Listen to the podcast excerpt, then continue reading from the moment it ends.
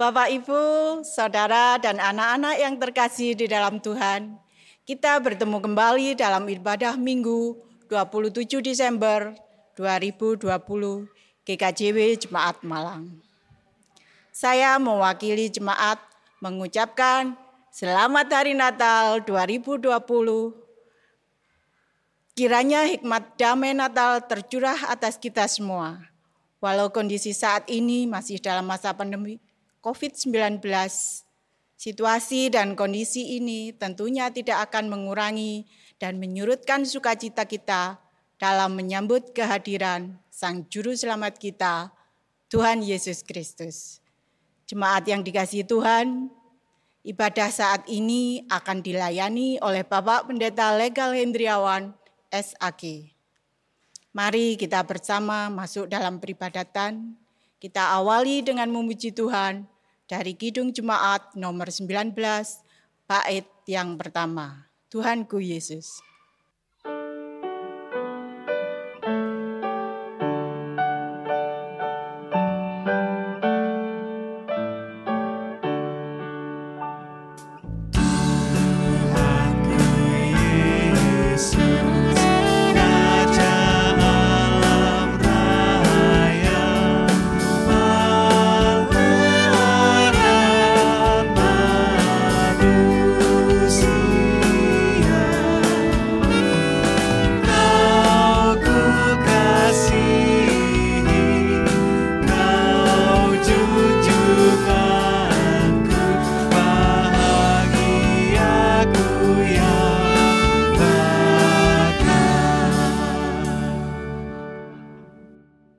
Bapak, Ibu, dan saudara-saudara, dan anak-anak yang dikasihi dan yang mengasihi Tuhan, kita masih ada dalam Minggu Natal. Kita merayakan kelahiran Tuhan kita Yesus Kristus. Dan inilah minggu yang pertama setelah Natal. Oleh karena itu mari kita bersama-sama menghayati ibadat kita pada saat ini dengan segala kesukacitaan dan gembiraan dan ungkapan syukur karena hadirnya. Mari bersama-sama kita memasukinya dengan kita mengambil saat teduh.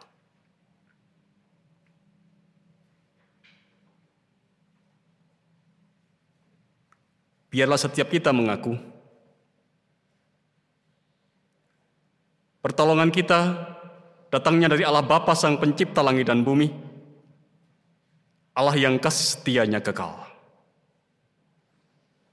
Salam bagimu, saudara-saudariku, Diberkatilah engkau dalam nama Tuhan. Amin. Bapak, Ibu, dan saudara-saudara, dan anak-anak yang dikasihi dan yang mengasihi Tuhan, tema ibadat kita pada saat ini, kita terima dari surat Rasul Paulus kepada jemaat di Galatia, pasal yang keempat dalam suratnya, ayat 4 sampai ayat yang keenam yang dituliskan untuk kita. Tapi setelah genap waktunya, maka Allah mengutus anaknya yang lahir dari seorang perempuan dan takluk kepada hukum Taurat. Ia diutus untuk menebus mereka yang takluk kepada hukum Taurat, supaya kita diterima menjadi anak. Dan karena kamu adalah anak, maka Allah telah menyuruh roh anaknya ke dalam hati kita yang berseru, Ya Aba, Ya Bapa. Amin.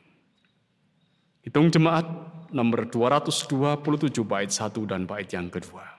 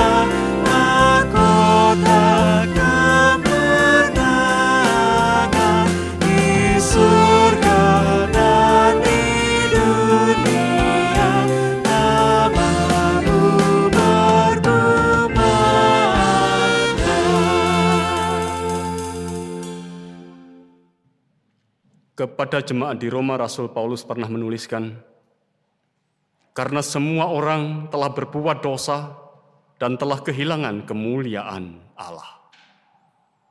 Itu yang diungkapkan oleh Rasul Paulus untuk mengingatkan jemaat di Roma. Tapi sungguhnya Rasul Paulus itu juga mengingatkan kepada kita semua, semua manusia, semua orang telah berbuat dosa dan kehilangan kemuliaan Allah. Ini menjadi kenyataan atas kehidupan kita, atas kehidupan saudara dan kehidupan saya. Karena apa yang kita lakukan, apa yang kita lakukan, sering tak sesuai dengan apa yang menjadi kehendak Tuhan. Kita tahu, saudara-saudara, bagaimana Tuhan telah berfirman kepada kita supaya kita mengasihi Allah, mengasihi orang lain. Tetapi nyatanya, hidup kita tidak selalu di dipenuhi dengan kasih. Malah dipenuhi dengan kebencian, dipenuhi dengan dendam, dipenuhi dengan iri hati.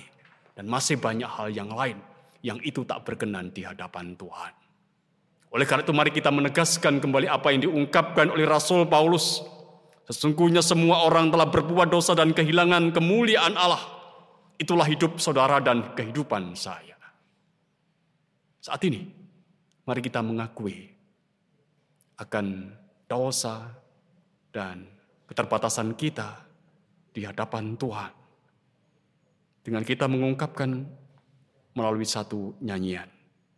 Hitung jemaat 371 bait 1 dan bait yang kedua.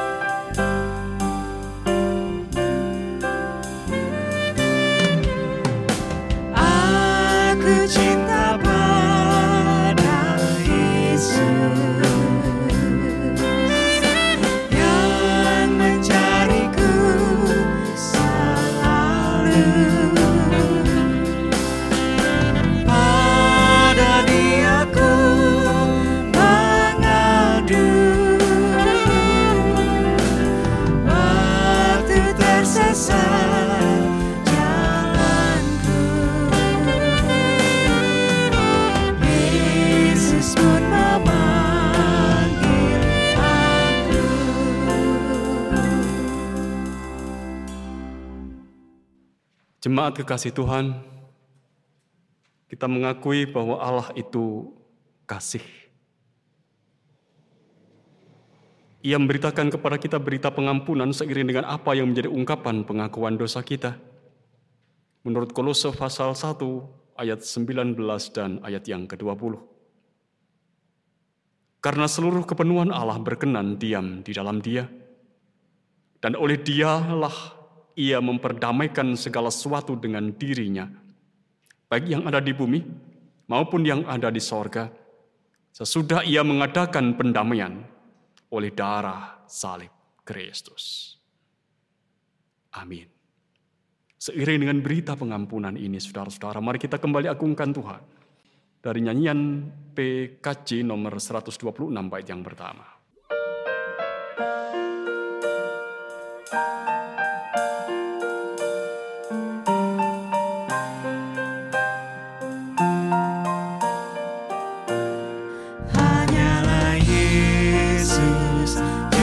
lose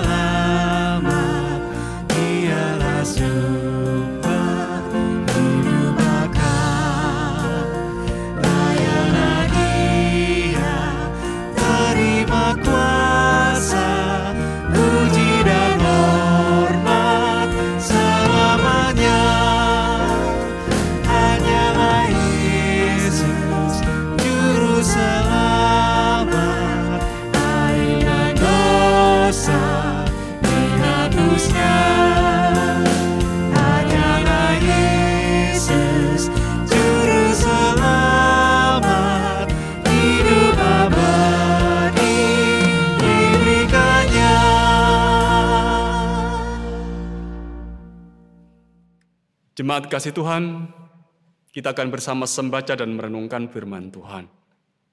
Mari kita mengawalinya dengan memohon kepada Allah dalam karya Roh Kudus, supaya Ia sendiri yang akan berikan terang atas kita. Kita bersatu dalam doa.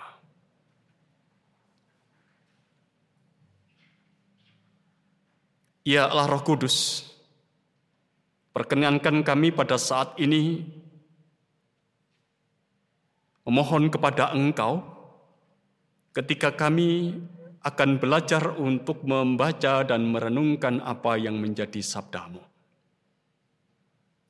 Terangilah mata hati dan batin kami, supaya kami peroleh pengenalan yang benar tentang firman-Mu. Firman yang menghidupkan kami. Karena sungguhnya kehidupan kami selalu diliputi oleh kegelapan, oleh kuasa-kuasa yang menyesakkan dan menyesatkan. Kami hanya dimampukan untuk hidup benar, seturut dengan apa yang menjadi kehendak-Mu, ya Tuhan. Jika Engkau sendiri sebagai Allah kami, yang akan berikan kepada kami kejelasan tentang apa yang harus kami lakukan dalam hidup ini. Oleh karena itu, ketika kami akan membaca dan merenungkan firman-Mu, ya Allah, pimpinlah kami.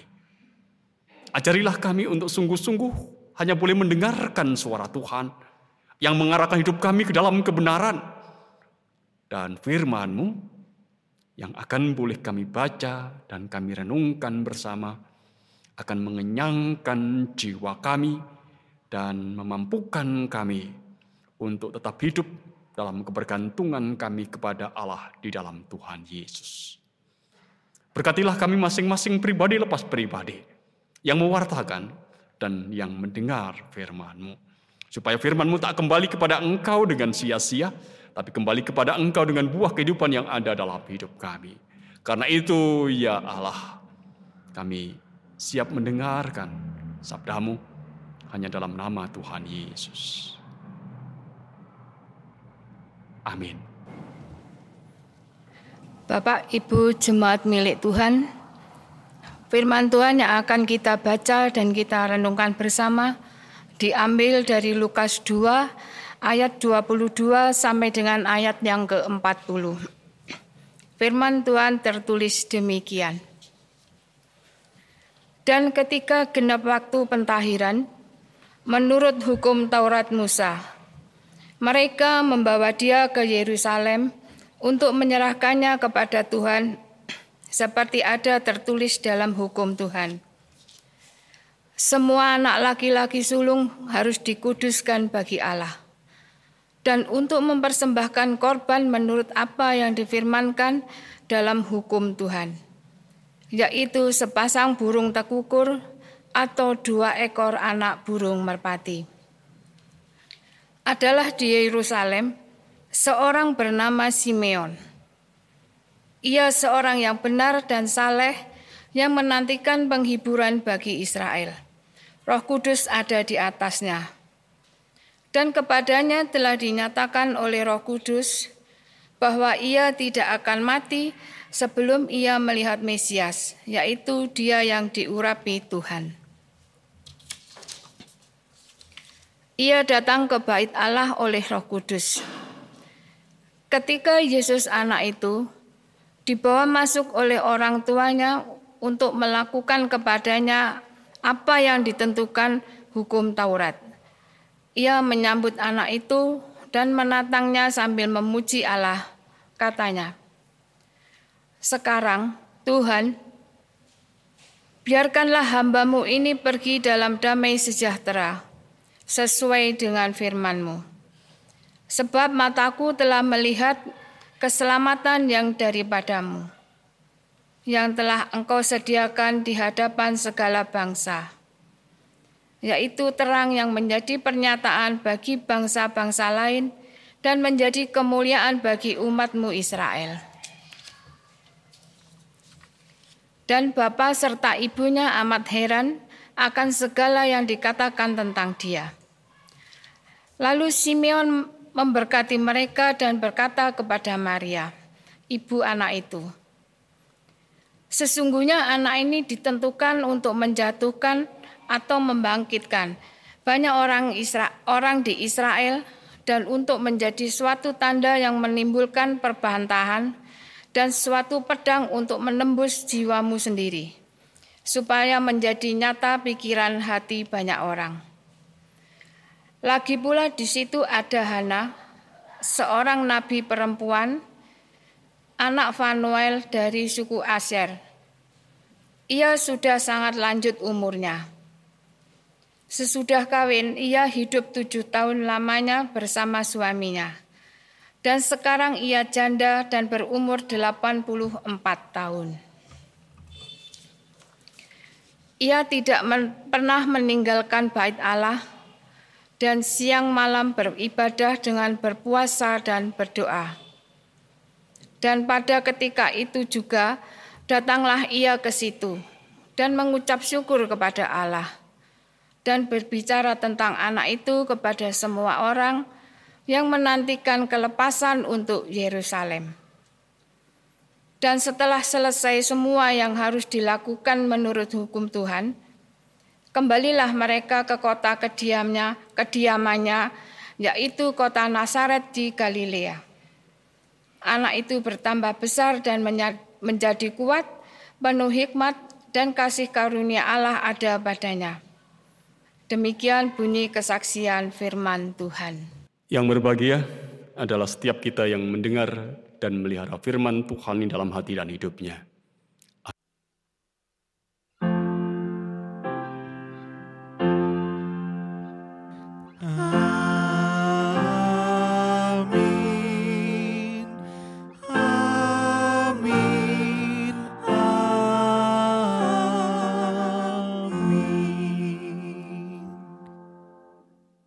Bapak, Ibu, dan saudara-saudara yang dikasihi dan yang mengasihi Tuhan, di dalam minggu setelah Natal ini kita masih merenungkan, masih kita menggumuli firman Tuhan terkait dengan kelahiran Yesus. Dan kita telah membaca Lukas pasal 2 ayat 22 sampai ayat yang ke-40.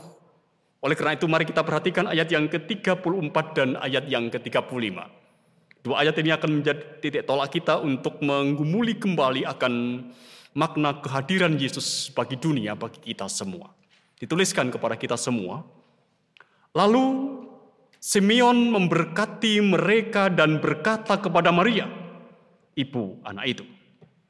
Sesungguhnya anak ini ditentukan untuk menjatuhkan dan bangkitkan banyak orang di Israel dan untuk menjadi suatu tanda yang menimbulkan perbantahan dan suatu pedang akan menembus jiwamu sendiri supaya menjadi nyata pikiran hati banyak orang. Bapak, Ibu, dan saudara-saudara yang dikasihi dan yang mengasihi Tuhan. Apa yang berkecamuk dalam diri Maria saat ia mendengar apa yang dinubuatkan oleh Simeon ketika dia berkata pada saat itu bahwa Yesus, anaknya itu, yang diserahkan kepada Allah di dalam bait Allah itu. Dikatakan, ia ditentukan untuk menjatuhkan dan bangkitkan. Ia akan menjadi tanda yang menimbulkan perbantahan. Dan suatu pedang akan menembus jiwanya sendiri. Jiwa Maria sebagai seorang ibu. Sangat mungkin Bapak Ibu dan saudara-saudara, apa yang diungkapkan oleh Simeon itu membuat Maria mulai membayangkan apa yang akan terjadi dalam kehidupannya dirinya sendiri sebagai seorang ibu. Dan apa yang kira-kira akan dilalui di dalam kehidupan oh Yesus, sang anak yang diserahkan kepada Allah itu. Dan kita tahu saudara-saudara, apa yang dikatakan Simeon itu bukan mengada-ada. Apalagi mereka-reka. Dia adalah seorang nabi, dia adalah seorang yang saleh, dia adalah seorang yang benar di hadapan Tuhan. Artinya bahwa dia adalah pribadi yang perhatikan kehidupan dirinya di hadapan Tuhan. Sehingga dikatakan bahwa dia adalah orang yang saleh dan orang benar. Dan roh Allah saudara-saudara ada pada dirinya. Dan roh Allah sendiri telah mengatakan kepada dirinya bahwa ia tidak akan mati sampai ia melihat Mesias yang datang. Kalau kita perhatikan kembali Bapak Ibu dan Saudara-saudara, dalam bacaan kita, ayat 25 dan ayat yang ke-26 dikatakan kepada kita, adalah di Yerusalem seorang bernama Simeon, ia seorang yang benar dan saleh, yang menantikan penghiburan bagi Israel. Roh Kudus ada di atasnya. Dan kepadanya telah dinyatakan oleh Roh Kudus bahwa ia tidak akan mati sebelum ia melihat Mesias, yaitu dia yang diurapi oleh Tuhan. Itu yang diungkapkan kepada kita. Yang menunjukkan kepada kita siapakah sesungguhnya Simeon. Dia yang menatang Yesus ketika Yesus dibawa ke bait Allah oleh ibunya, oleh Maria itu. Saudara-saudara, mari kita menghayati bahwa ketika Yesus diserahkan kepada Allah, di bait Allah oleh Maria, Simeon pada saat itu datang karena pekerjaan Roh Kudus. Ia datang karena pekerjaan Roh Kudus. Pastilah saudara-saudara, pada saat itu Simeon sudah mengenali siapakah Kristus Sang Mesias yang dibawa oleh Maria pada saat itu. Di antara banyak anak juga yang diserahkan oleh orang tua mereka di bait Allah. Itu semua saudara-saudara tentu adalah karena pekerjaan Roh Kudus. Itu pekerjaan Roh Kudus. Dan pastilah ungkapan yang disampaikan oleh Simeon tentang Yesus itu. Bukan pemikiran Simeon sendiri, bukan apa yang menjadi kehendaknya sendiri, apa yang diharapannya sendiri, tetapi itu adalah karena roh kudus yang berkuasa atas dirinya pada saat itu. Dan sekaligus pula saudara-saudara, roh kudus itu yang menyingkapkan misteri apa yang akan terjadi atas kehidupan Yesus pada saatnya atau kelak dalam hubungannya dengan Maria, ibunya. Itu yang diungkapkan untuk kita. Dan kita tahu Kenabian Simeon itu benar-benar teruji. Nubuatnya itu asli dari Allah. Itu karena karya roh kudus. Buktinya apa? Buktinya adalah bahwa apa yang diucapkan oleh Simeon itu benar-benar terbukti menjadi nyata dalam sejarah kehidupan Tuhan Yesus. Tuhan Yesus memang ditentukan untuk menjatuhkan dan bangkitkan banyak orang di Israel. Ia ditentukan untuk menjatuhkan dan bangkitkan banyak orang di Israel. Kejatuhan sini saudara-saudara lebih menunjuk pada kebinasaan atau kehancuran Israel. Seperti yang dinyatakan oleh Tuhan Yesus sendiri tentang dan kepada para pemimpin Israel pada saat itu yang menjadi musuh-musuh Tuhan Yesus ketika ia berkarya. Mari sejenak kita menengok saudara-saudara yang dituliskan dalam Injil Lukas pasal 20 ayat 17 dan ayat yang ke-18 dikatakan kepada kita Tetapi Yesus memandang mereka dan berkata Jika demikian apakah arti nas ini? Batu yang dibuang oleh tukang-tukang bangunan telah menjadi batu penjuru. Barang siapa jatuh ke atas batu itu ia akan hancur.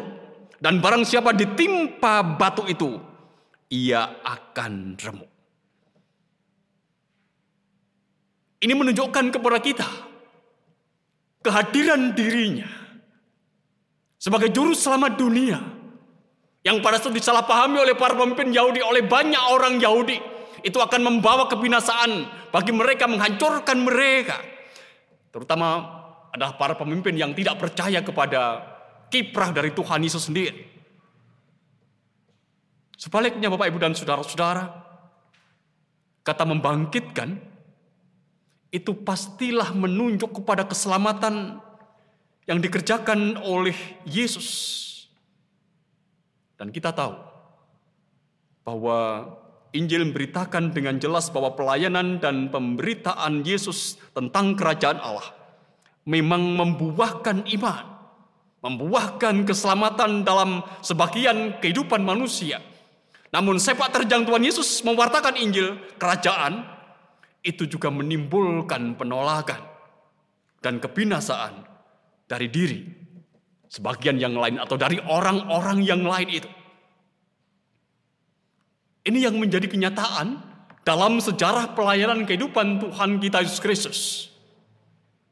Kemudian yang kedua, saudara saudara dikatakan kepada kita bahwa Yesus itu ditentukan untuk menjadi suatu tanda yang menimbulkan perbantahan.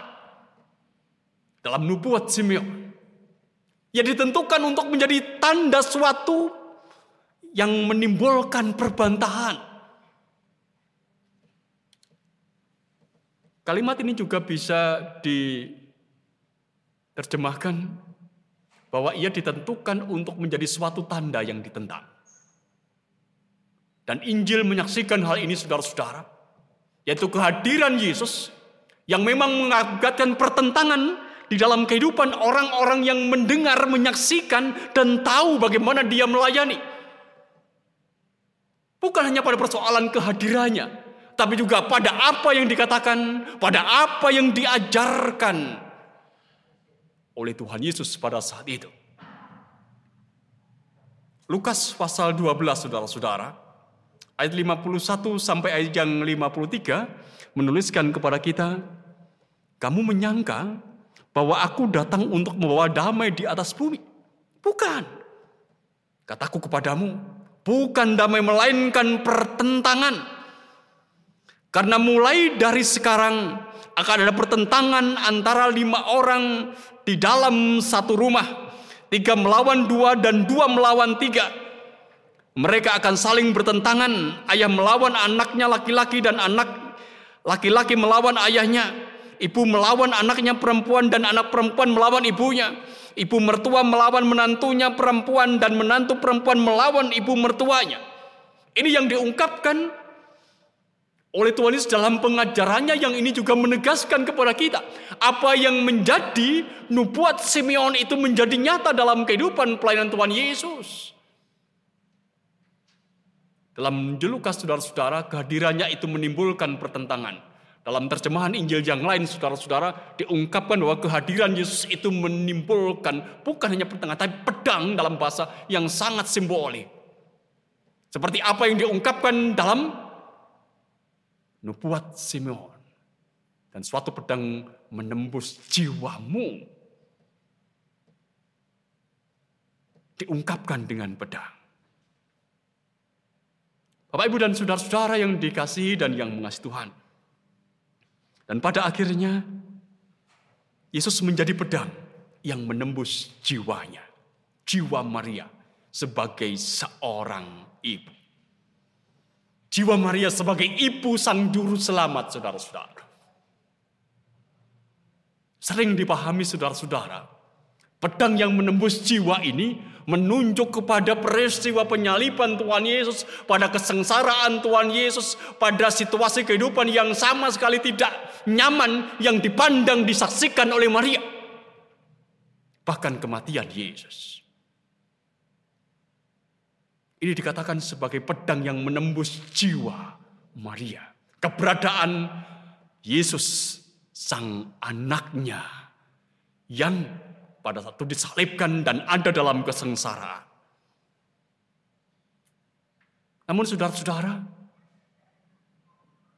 hari ini saya ingin mengajak kepada panjenengan semua untuk memperhatikan bahwa pedang yang menembus jiwa Maria tidak bisa hanya dimaknai sebagai situasi kehidupan di mana Yesus ada dalam kesakan dan penderitaan. Saya ingin mengajak-ngajak pada panjenengan semua untuk melihat dalam perspektif yang lain. Sebagaimana yang diungkapkan oleh Tuhan Yesus sendiri. Kepada orang-orang pada satu yang pastinya juga akan didengar oleh Maria. Bayangkanlah seorang ibu yang mendengar apa yang diungkapkan oleh anaknya. Sebagaimana dituliskan di dalam Injil Lukas pasal 8 ayat yang ke-21. Pada saat itu dia Tuhan Yesus berkata begini, Ibuku dan saudara-saudaraku adalah mereka yang mendengar dan melakukan firman Tuhan. Itu yang diungkapkan oleh Tuhan Yesus. Ibuku dan saudara-saudaraku adalah mereka yang mendengar dan melakukan firman Tuhan. Bayangkanlah jika kita ini adalah seorang ibu yang mendengar apa yang diungkapkan oleh seorang anak yang itu adalah anak kita. Seperti yang dialami oleh Maria yang mendengar ungkapan Yesus yang sangat jelas ibuku dan saudara-saudaraku adalah mereka yang mendengar dan melakukan firman Tuhan. Ini adalah sebuah ungkapan yang tajam.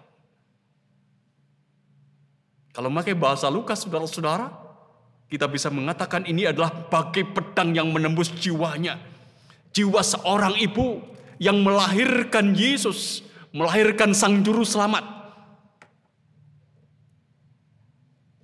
Dalam perspektif misi Tuhan Yesus, Bapak, Ibu, dan saudara-saudara, apa yang diungkapkan Tuhan Yesus ternyata menunjukkan kepada kita bahwa status Maria sebagai ibunda Sang Juru Selamat itu tidak menjadikannya lebih istimewa dari manusia yang lainnya. Dari sini kita tahu dengan sangat jelas bahwa dalam keluarga kerajaan Allah, artinya keluarga yang sedang dibentuk oleh Tuhan Yesus lewat pewartaan Injil kerajaannya, keanggotaan keluarga Allah atau keanggotaan keluarga Yesus itu tidak dasarkan pada relasi hubungan jasmania, tetapi ditentukan oleh ketaatan pada firman Tuhan semata-mata. Ibuku dan saudara-saudaraku adalah mereka yang mendengar dan melakukan firman Tuhan.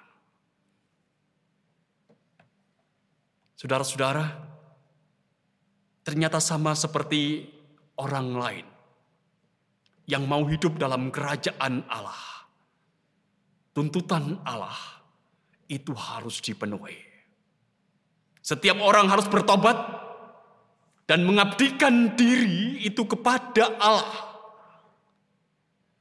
Dan itulah saudara-saudara yang juga jalan harus ditempuh oleh Maria. Seperti yang ditempuh oleh manusia yang lainnya. Yaitu manusia yang berdosa, manusia yang patut dikasihi oleh Allah dan patut diselamatkan oleh Allah. Mari rasakanlah saudara-saudara. Betapa tajamnya ungkapan Tuhan Yesus itu. Ungkapan dan ucapan Sang Putra. Tajam bagai pedang yang menembus jiwa seorang ibu yang melahirkan dirinya. Tapi inilah saudara-saudara yang disebut dengan kebenaran. Inilah kebenaran yang pada akhirnya ungkapan itu juga menyelamatkan Maria Ucapan yang bawa kesadaran pada dirinya sendiri bahwa dia sebagai ibu, sebagai manusia, sebagai Maria itu membutuhkan keselamatan sebagai manusia yang lain yang ada di atas muka bumi ini. Tanpa kesadaran itu saudara-saudara, pastilah hidup Maria tidak akan menjadi baik. Seperti halnya ketidaksadaran yang ada dalam kehidupan orang-orang Yahudi dalam hal ini adalah para pemimpin Yahudi yang sekalipun mereka tahu Yesus, tahu pekerjaan Yesus, tahu apa yang diungkapkan Yesus, mereka tidak percaya karena dalam dirinya tidak ada kesadaran bahwa Sang Mesias itu telah datang sehingga hidupnya juga tak terselamatkan. Dalam pandangan, dalam perspektif ini. Bapak, Ibu, dan saudara-saudara yang dikasihi dan yang mengasihi Tuhan. Itulah kehidupan Maria sesungguhnya pedang yang menembus jiwanya. Ungkapan Yesus yang menembus jiwanya yang tajam telah menimbulkan kesadaran dalam dirinya bahwa dirinya sama seperti manusia yang lain butuhkan keselamatan dan dia merangkul itu. Dan kita percaya ia ada bersama dalam keselamatan di dalam Yesus. Nah, saudara-saudara, di ujung permenungan tentang pedang yang menebus jiwa Maria sebagai ibu sang juru selamat. Mari kita mengingat dan merasakan kembali ucapan-ucapan tajam yang pernah barangkali melukai kita sebagai pribadi. Terutama adalah ucapan-ucapan dari orang-orang yang sebenarnya sungguh mencintai kita. Apakah itu orang tua kita, istri kita, anak kita, sahabat kita, tetangga kita, ataupun juga orang lain. Yang berulang kali kita mendengar apa yang menjadi tegurannya. Apa yang diungkapkan sebagai peringatan atas kehidupan. Yang semuanya itu saudara-saudara. Membenarkan atas kehidupan kita dan kehidupan kita itu boleh terarah pada kesadaran untuk ada dalam kebenaran di dalam Tuhan. Sering saudara-saudara ucapan mereka. Orang-orang yang di kita. Ucapan yang tajam itu melukai kita. Bahkan kita boleh mengatakan itu menyakitkan kita. Ibarat pedang yang menembus jiwa kita. Membikin perasaan kita bergejolak. Tidak tahu seperti apa saudara-saudara. Tapi sekaligus juga ini memberikan kepada kita kesadaran dalam diri kita bahwa semua itu membawa pertumbuhan atas kehidupan iman kita. Supaya apa? Supaya kita tetap hidup dalam kedekatan dengan Tuhan. Supaya tetap hidup dalam karya keselamatan yang Tuhan sudah kerjakan di dalam Tuhan Yesus. Nah pada akhirnya saudara-saudara, dapatkah pada saat ini kita dengan penuh syukur itu berucap, terima kasih Tuhan, terima kasih untuk setiap pedang yang telah yang telah sedang dan yang akan menembus jiwa kita. Untuk setiap ucapan yang barangkali itu menyakitkan, yang barangkali itu membuat perasaan kita bergejolak, tetapi setiap ungkapan itu adalah ungkapan yang membawa kita pada kesadaran yang benar tentang bagaimana sungguhnya kita harus hidup dalam perspektif kerajaan Allah, dalam relasi kita dengan Tuhan ada dalam kebenaran. Bapak, Ibu, dan saudara-saudara, mari kita terus merenungkan di minggu Natal ini banyak sekali ungkapan-ungkapan dan ucapan yang menembus jiwa kita. Entah itu siapa yang berucap. Tapi selama ada kesadaran bahwa ucapan yang menembus jiwa itu, pedang yang menembus jiwa itu, membawa kita kepada kebenaran. Membawa kita pada hidup yang benar sesuai dengan apa yang menjadi kehendak Tuhan. Sesuai dengan etika kerajaan Allah. Maka mari.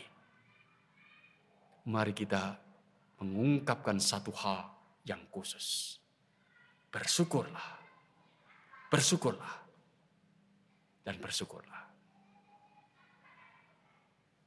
Amin. Satu doa untuk kita.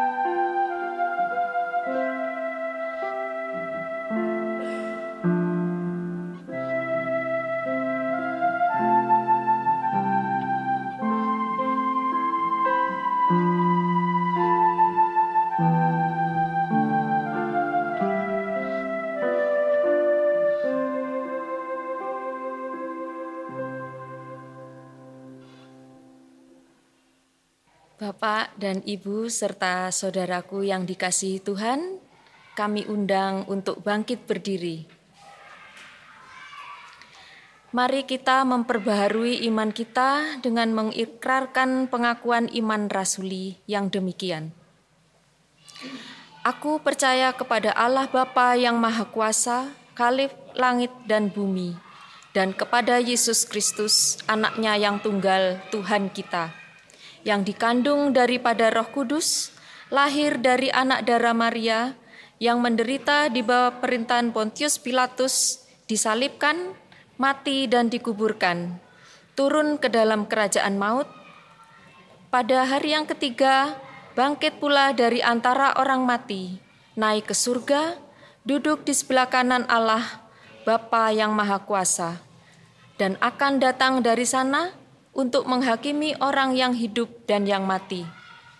Aku percaya kepada Roh Kudus, gereja yang kudus dan am, persekutuan orang kudus, pengampunan dosa, kebangkitan daging, dan hidup yang kekal. Amin. Dipersilahkan duduk kembali. Kita akan dengarkan satu persembahan pujian dari Saudari Kris dengan judul Ajarku Berdiam.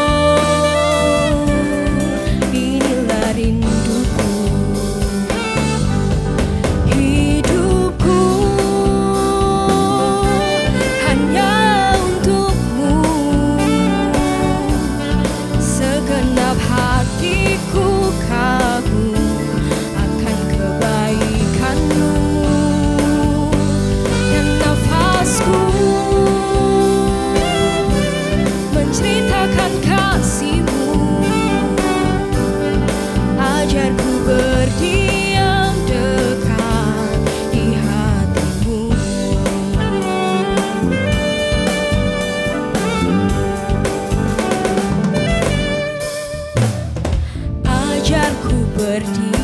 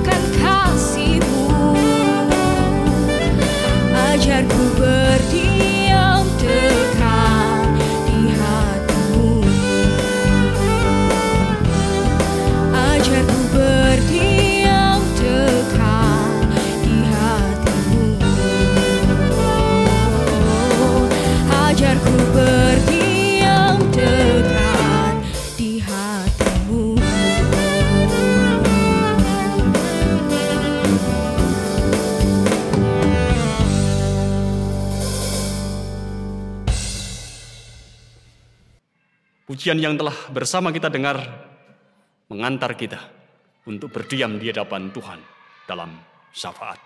Mari bersama-sama kita berdoa. Bapa yang di sorga, perkenankan kami pada saat ini anak-anak menghampiri tahtamu. Mengucapkan syukur untuk penyertaan, pimpinan, dan berkat Tuhan yang senantiasa ada dalam hidup kami. Engkau sebagai Allah kami telah memberikan kekuatan kepada kami untuk melakukan aktivitas kami, pekerjaan kami, dan berikan kemampuan kepada kami supaya kami hidup seturut dengan apa yang menjadi firman-Mu. Terima kasih kalau pada saat ini Engkau telah memberikan kesempatan bagi kami untuk membangun ibadah kami, menikmati perjumpaan kami dengan Engkau, dan dengan saudara-saudara kami yang lain dalam Kristus Yesus. Bapa di sorga, masih dalam suasana Natal kami bersyukur kepada Engkau.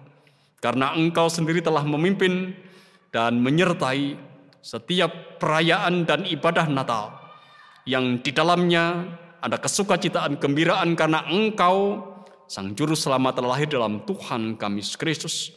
Oleh karena itu biarkanlah Ketika kami ada dalam kesukacitaan itu, hidup kami juga terus akan dikuasai oleh kesukacitaan kegembiraan. Dan kami anak-anakmu akan boleh mewujudkan kesukacitaan itu dalam setiap langkah kami. Sehingga Yesus sungguh-sungguh lahir dalam hidup kami. Dan dunia akan boleh mengenal bahwa engkau lahir di dalam kehidupan kami.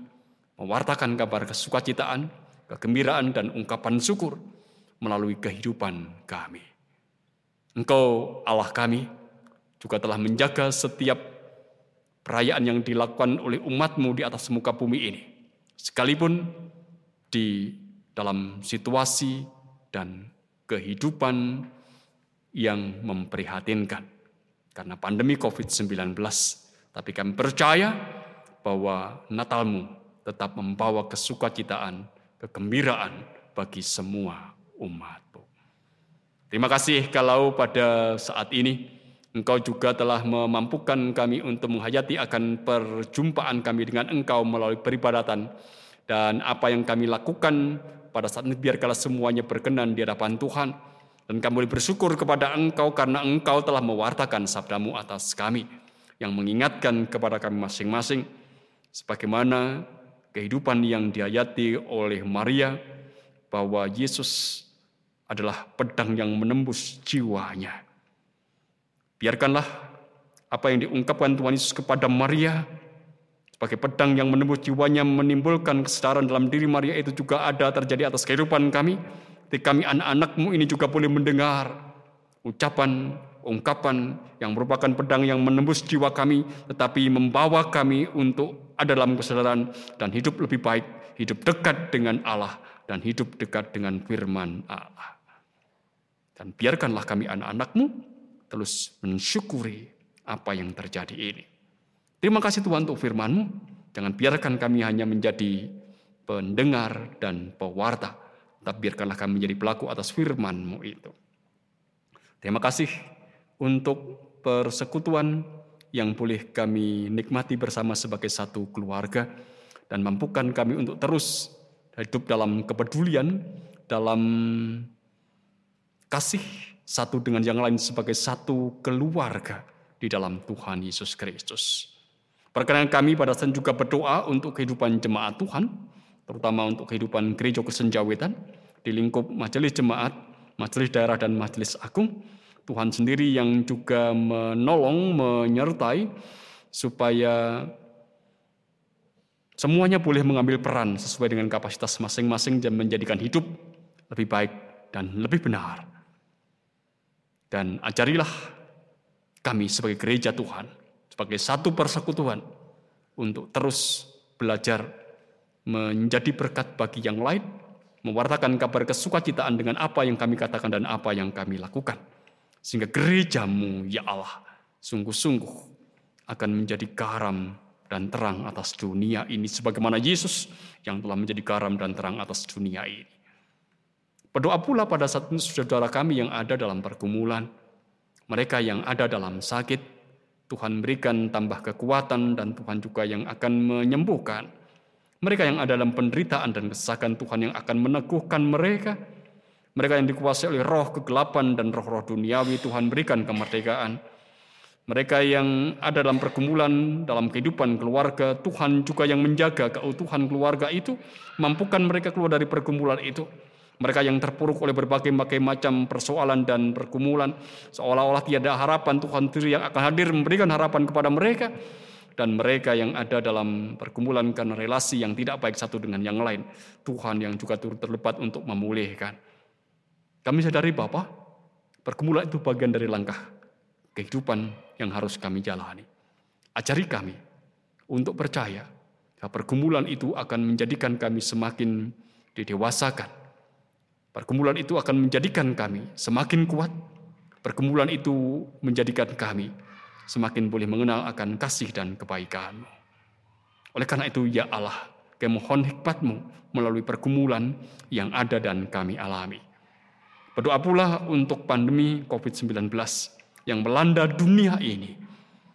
Berkatilah dan pimpinlah upaya setiap orang, orang per orang, dan upaya dari satu bangsa dan bangsa yang lain di atas muka bumi ini, supaya mereka boleh bergandengan tangan bekerja sama untuk keluar dari pandemi ini dan segera kami kembali boleh menikmati kesukaan gembiraan ungkapan syukur karena engkau telah menyelamatkan dunia ini dari pandemi yang telah saat ini kami alami. Berdoa untuk bangsa dan negara kami, yang sungguhnya kami tidak pernah tahu apa yang sedang terjadi dan apa yang akan terjadi.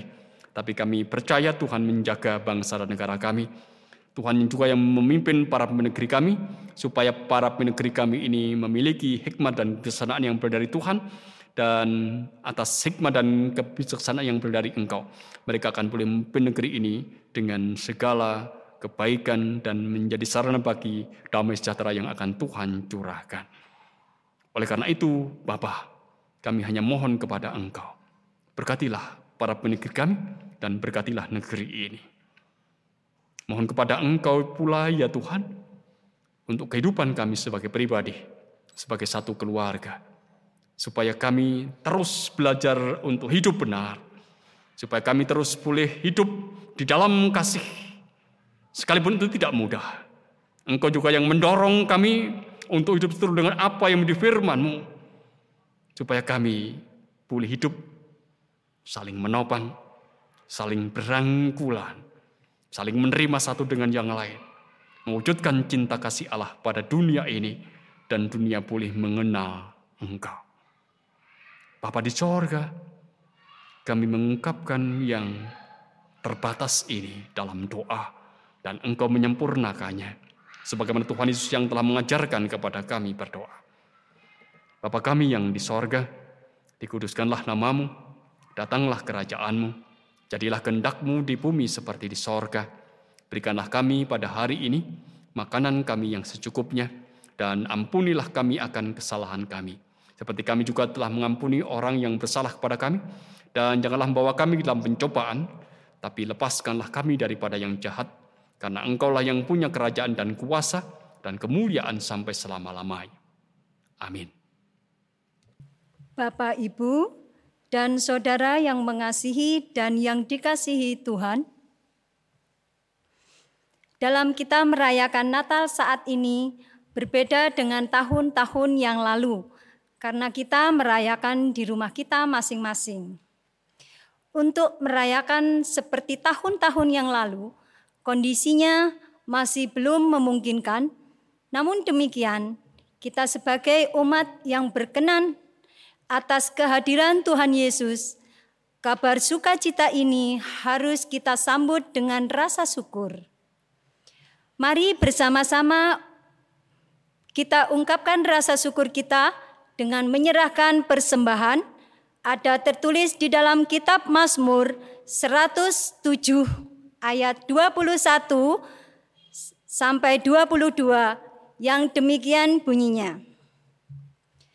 Biarlah mereka bersyukur kepada Tuhan karena kasih setianya, karena perbuatan-perbuatannya yang ajaib terhadap anak-anak manusia.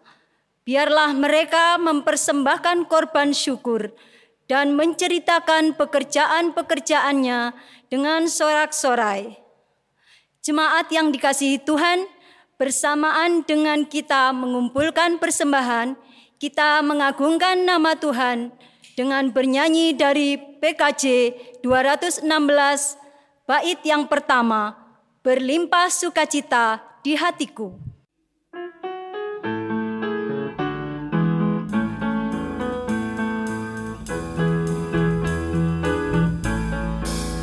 Berlimpah sukacita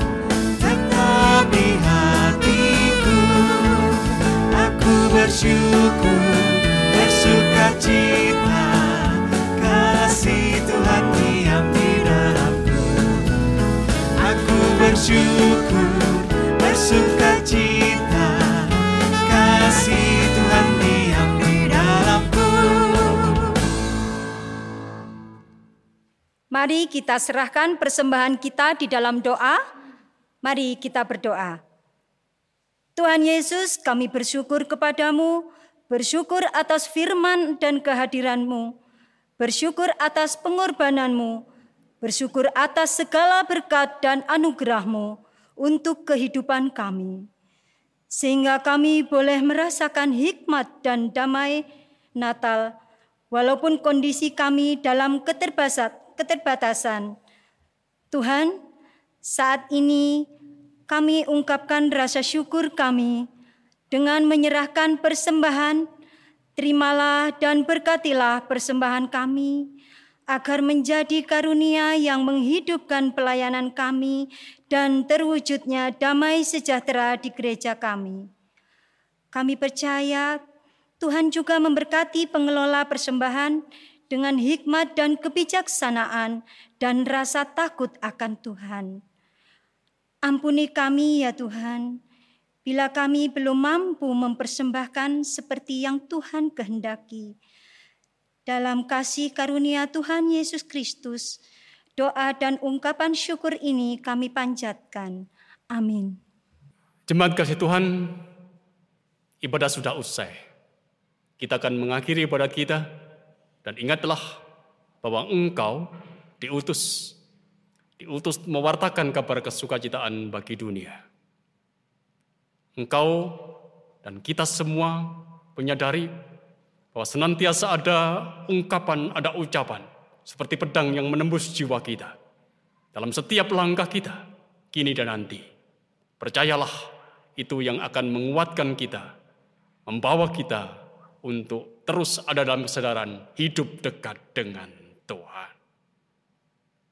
Ku ingin menyerahkan.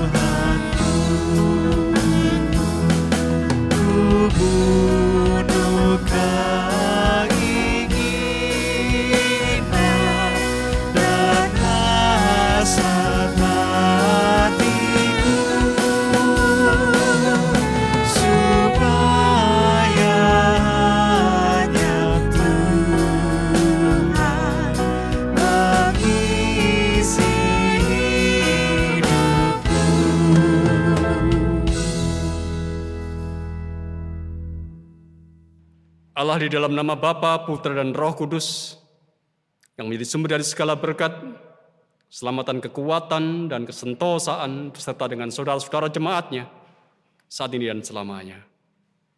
Amin.